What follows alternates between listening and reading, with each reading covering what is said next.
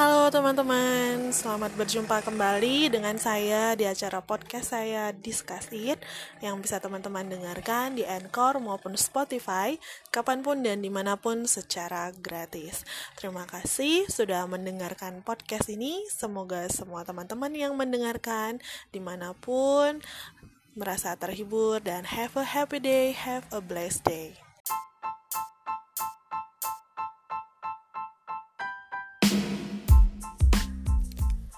Di episode podcast kita hari ini, kita akan membahas soal toxic family. toxic family and toxic relationship. Uh, ini adalah topik yang jadi um, semacam kegelisahan saya akhir-akhir ini. Uh, istilah toxic family and atau toxic relationship mungkin bukan hal baru lagi buat kita, tapi um, yang saya mau ajak kita semua untuk berdiskusi bersama di acara podcast hari ini adalah apakah kita menyadari bahwa kita sedang berada dalam situasi toxic family dan ataupun toxic relationship dengan seseorang, dengan teman, dengan pacar, uh, atau bagaimana kita menghadapi seandainya memang kita berada di dalam situasi toxic tersebut dan apa pilihan-pilihan yang bisa kita lakukan ketika kita berada di dalam toxic relationship atau toxic family. Apakah perpisahan adalah solusi terbaik atau ada yang lain?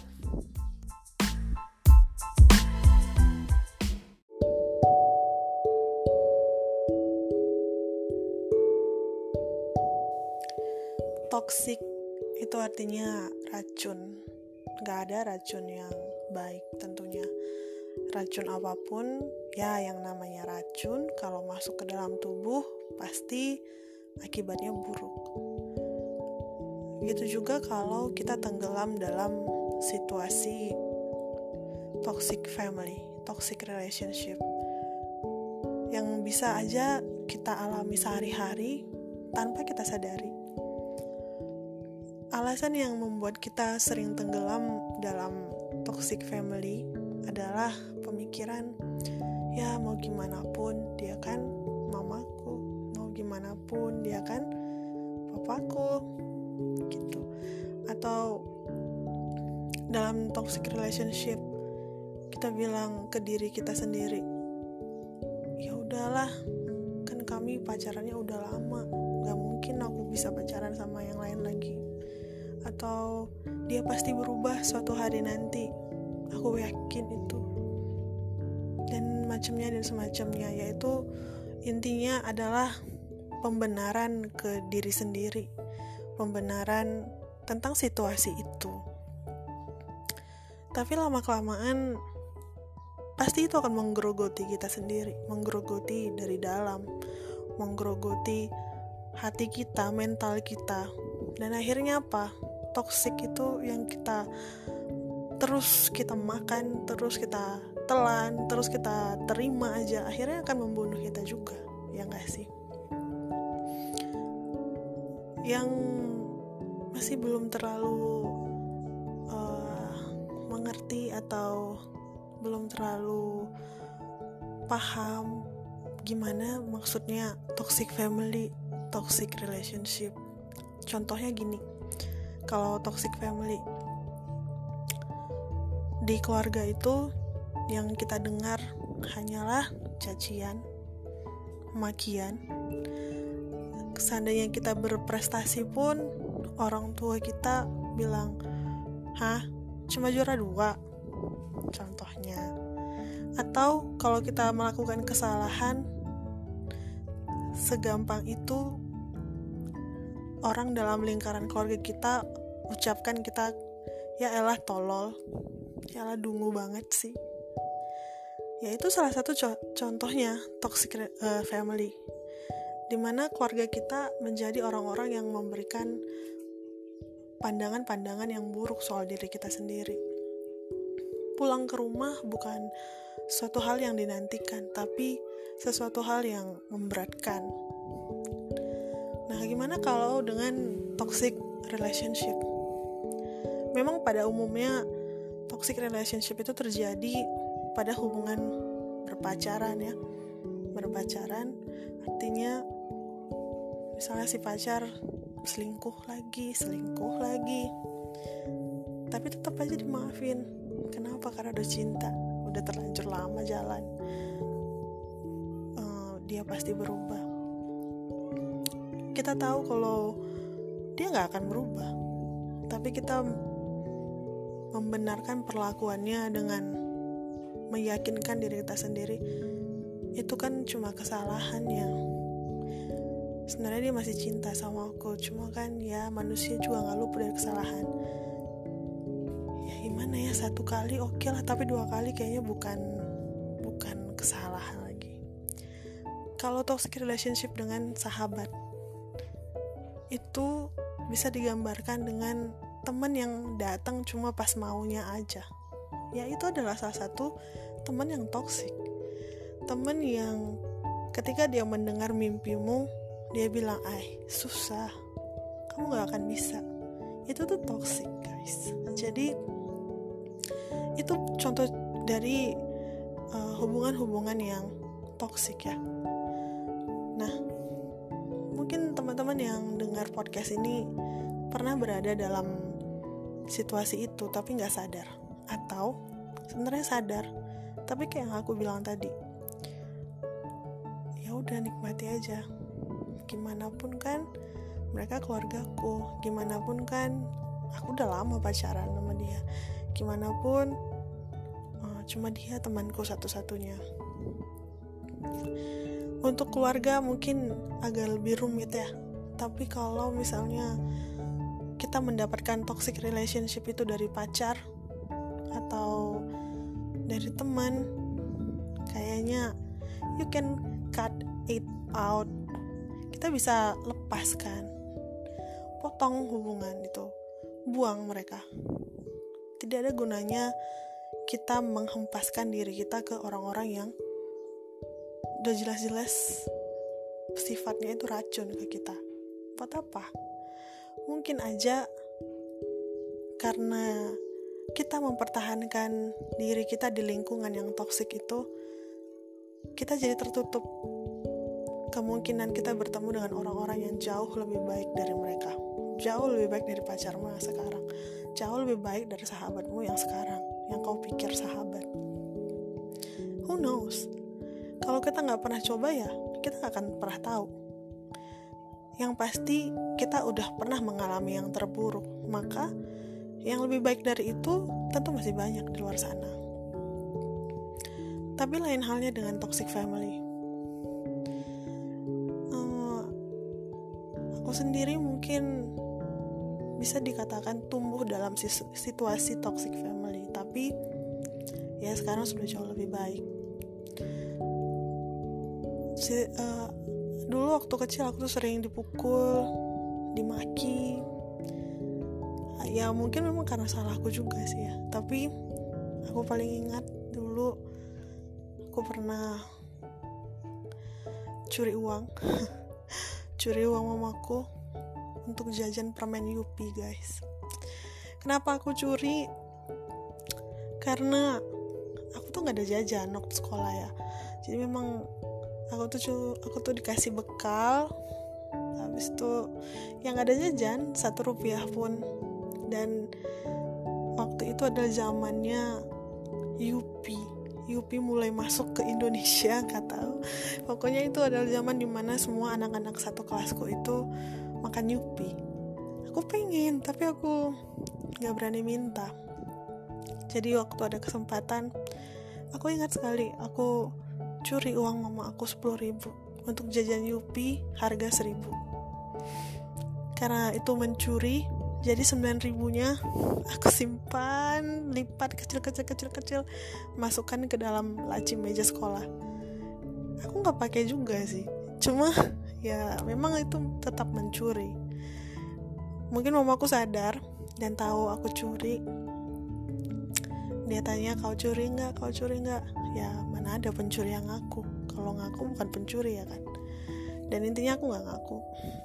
Intinya pada akhirnya uh, aku ngaku lah gitu. Pada akhirnya setelah sudah lama aku minta maaf. Terus mama aku bilang ambil itu uang sekarang juga. Jadi sore-sore aku pergi balik ke sekolah uh, aku ambil uangnya aku bawa ke rumah. Tapi masalah nggak selesai di situ sama sekali. Waktu uangnya aku kembalikan dan aku minta maaf di situlah penyiksaan itu dimulai. Itu aku waktu masih kelas 2 SD loh teman-teman. Bayangkan sekarang umurku sudah 28 tahun. Itu mungkin terjadi waktu aku umur 8 tahun. Sudah 20 tahun ya. Sudah 20 tahun tapi itu sama sekali tidak hilang dari ingatanku. yang terjadi hari itu sama sekali. Tidak bisa aku lupakan. Hatiku sakit sekali. Hatiku kecil hatiku kecut sekali melihat itu kondisi itu. Memang sih aku salah karena mencuri tapi ya menurutku nggak nggak seharusnya semarah itu dan sehabis itu aku dipukuli gitu. Tapi ya semakin kita dewasa semakin kita hmm, syukurnya kita ketemu dengan banyak orang yang positif. Akhirnya kita mampu untuk memaafkan. Akhirnya kita mampu untuk uh, mengatakan bahwa mungkin sesuatu memang terjadi dulu sampai mamaku semarah itu dan walaupun aku nggak mengerti kenapa tapi aku mulai mampu untuk memahami dan memaafkan. Bedanya dengan pacar atau sahabat family itu kamu nggak bisa buang. Family itu nggak bisa kita bilang putus hubungan aku nggak mau lagi punya mama kayak kau. Atau aku nggak mau punya anak kayak kau. Nggak bisa. Mamaku mungkin nggak suka sama aku dulu atau aku sekarang. Aku pun nggak suka mungkin sama mamaku karena perlakuannya ke aku. Cuma ya nggak bisa. Kita sama-sama nggak bisa saling memalingkan kepala kita. Kita sama-sama nggak bisa membalikan badan untuk bilang lupakan aku. No. Kita hanya bisa katakan itu ke pacar dan teman. Kalau teman-teman misalnya mengalami situasi yang kayak aku toxic family atau dibesarkan dalam situasi keluarga yang toxic gimana sih yang teman-teman lakukan? Apa sih yang teman-teman sudah uh, alami dan gimana cara teman-teman untuk mengatasinya mungkin bisa share. Tapi kalau dari aku sendiri kalau untuk family dan apalagi sekarang aku sudah bekerja uh, bisa membantu mamaku. I don't hate her. Aku nggak benci sama mamaku cuma ya memang aku nggak bisa lupa. Dan untuk sampai ke titik yang sekarang di titik aku bisa mandiri bisa memaafkan justru bisa uh, bersyukurnya bisa membantu lagi uh, mamaku dan adik-adikku. Ya itu membuat aku semakin mencintai mereka. Mencintai mereka walaupun kita semua kita berempat punya banyak kekurangan tapi itu itu yang membuat kita semakin kuat bersama uh, mungkin teman-teman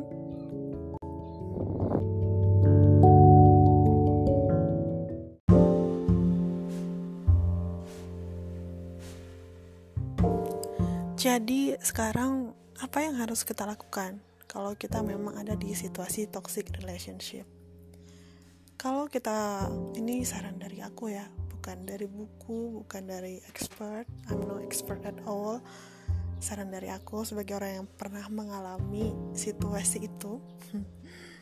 kalau family, toxic family ataupun yang lain, toxic segala jenis relationship yang kita alami kalau memang kita merasa bahwa mereka itu tidak baik buat kita sebelum akhirnya kita memutuskan untuk selesai begitu terutama yang tadi ya untuk pacar dan teman. Tapi kalau family enggak.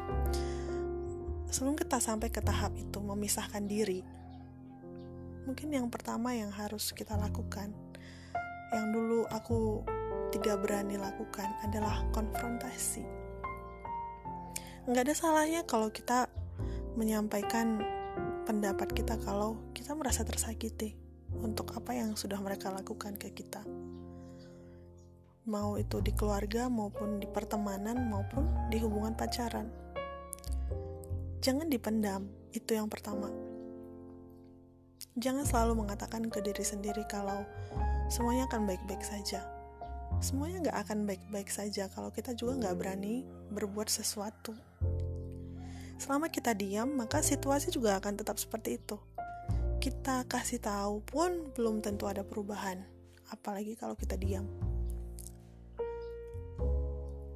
Kalau dalam hubungan pertemanan ataupun pacaran, kalau setelah melewati tahap konfrontasi ataupun diskusi bagaimana sebaiknya kita melewati situasi ini? Atau setelah kita menjelaskan ke mereka bahwa kita tidak nyaman dengan situasi itu dan mereka tetap seperti itu itu adalah uh, positif kalau kita harus berpisah dari mereka berpisah dari pertemanan dan gaya pacaran yang toksik itu pasti nggak enak.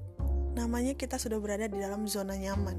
Zona nyaman punya pacar, zona nyaman punya sahabat itu. Untuk pertama kali awal-awal atau untuk sementara waktu kita akan merasa tersakiti sekali karena keputusan kita sendiri. Tetap kita akan merasa apa ini sebuah kesalahan. Oh, atau harusnya aku kan memaafkan mereka. Pasti tapi percayalah teman-teman, kalau memang kau yakin mereka adalah toksik, ketika racun itu dibersihkan dari dirimu pun itu tidak enak loh. Ketika kau misalnya keracunan makanan dan kau dipaksa memuntahkannya, itu sakit memang, tapi itu kebaikanmu. Dan berpisah dengan orang-orang yang toksik itu akan jauh lebih baik, akan membuatmu bisa menghargai hidupmu lebih lagi kau akan belajar bahwa sebelum kau mengharapkan cinta dari orang lain, kau akan mencintai dirimu sendiri. Kau akan menghargai dirimu sendiri. Sehingga tanpa kehadiran orang lain pun kau tetap bahagia. Jadi orang lain bukan sumber kebahagiaanmu. Nah, bagaimana dengan toxic family? Apa yang harus dilakukan? Kalau dari aku sih, konfrontasi terus-menerus tanpa ada kata perpisahan.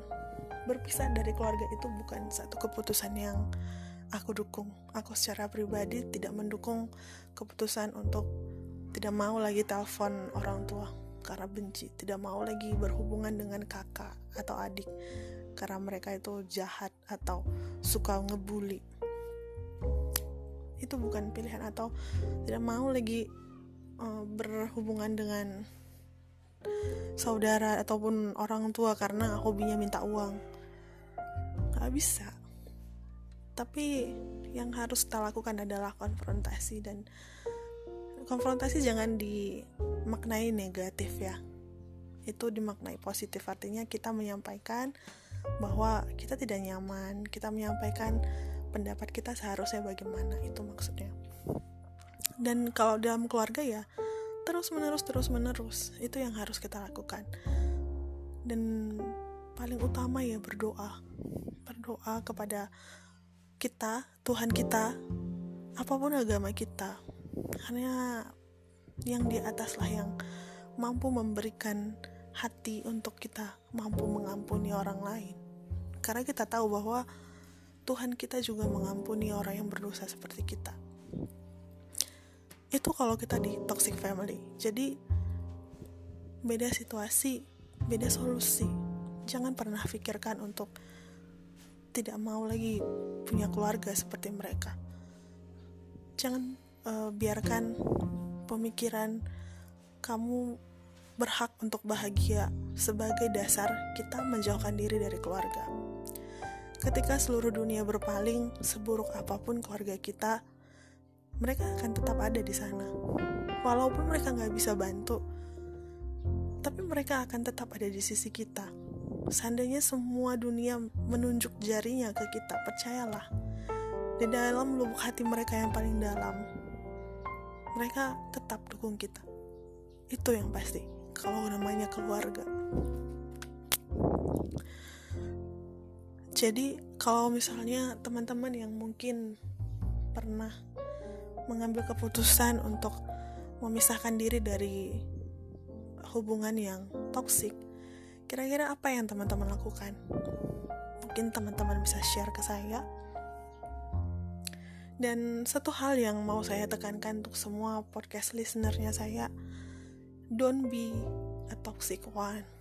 Jangan jadi toxic itu sendiri. Jangan jadi seorang teman yang toxic atau seorang pacar yang toxic. Atau kalau kita sudah punya keluarga, jangan jadi keluarga yang toksik. Misalnya pun nanti kita punya anak dan segala macamnya, berus berusahalah untuk tidak menjadi keluarga yang memberikan memori terburuk kepada keluarga kita yang lain. Ya nggak gampang, pasti nggak gampang. Namanya melakukan perbuatan baik, kalau gampang semua orang pasti lakuin. Tapi yang pasti kalau kita sadar akan situasi toksik dan kita tidak suka dengan situasi itu, tentu kita tidak akan melakukannya ke orang lain. Itu yang aku yakini. Jadi itu yang bisa saya bahas soal toxic relationship ini. Untuk teman-teman yang mau sharing juga soal ini, saya persilahkan dengan senang hati send me your voice note. Terima kasih untuk semua yang udah pada dengerin. Semoga bermanfaat dan satu pesan saya, don't be a toxic one. Terima kasih untuk hari ini dan sampai berjumpa kembali. Ciao.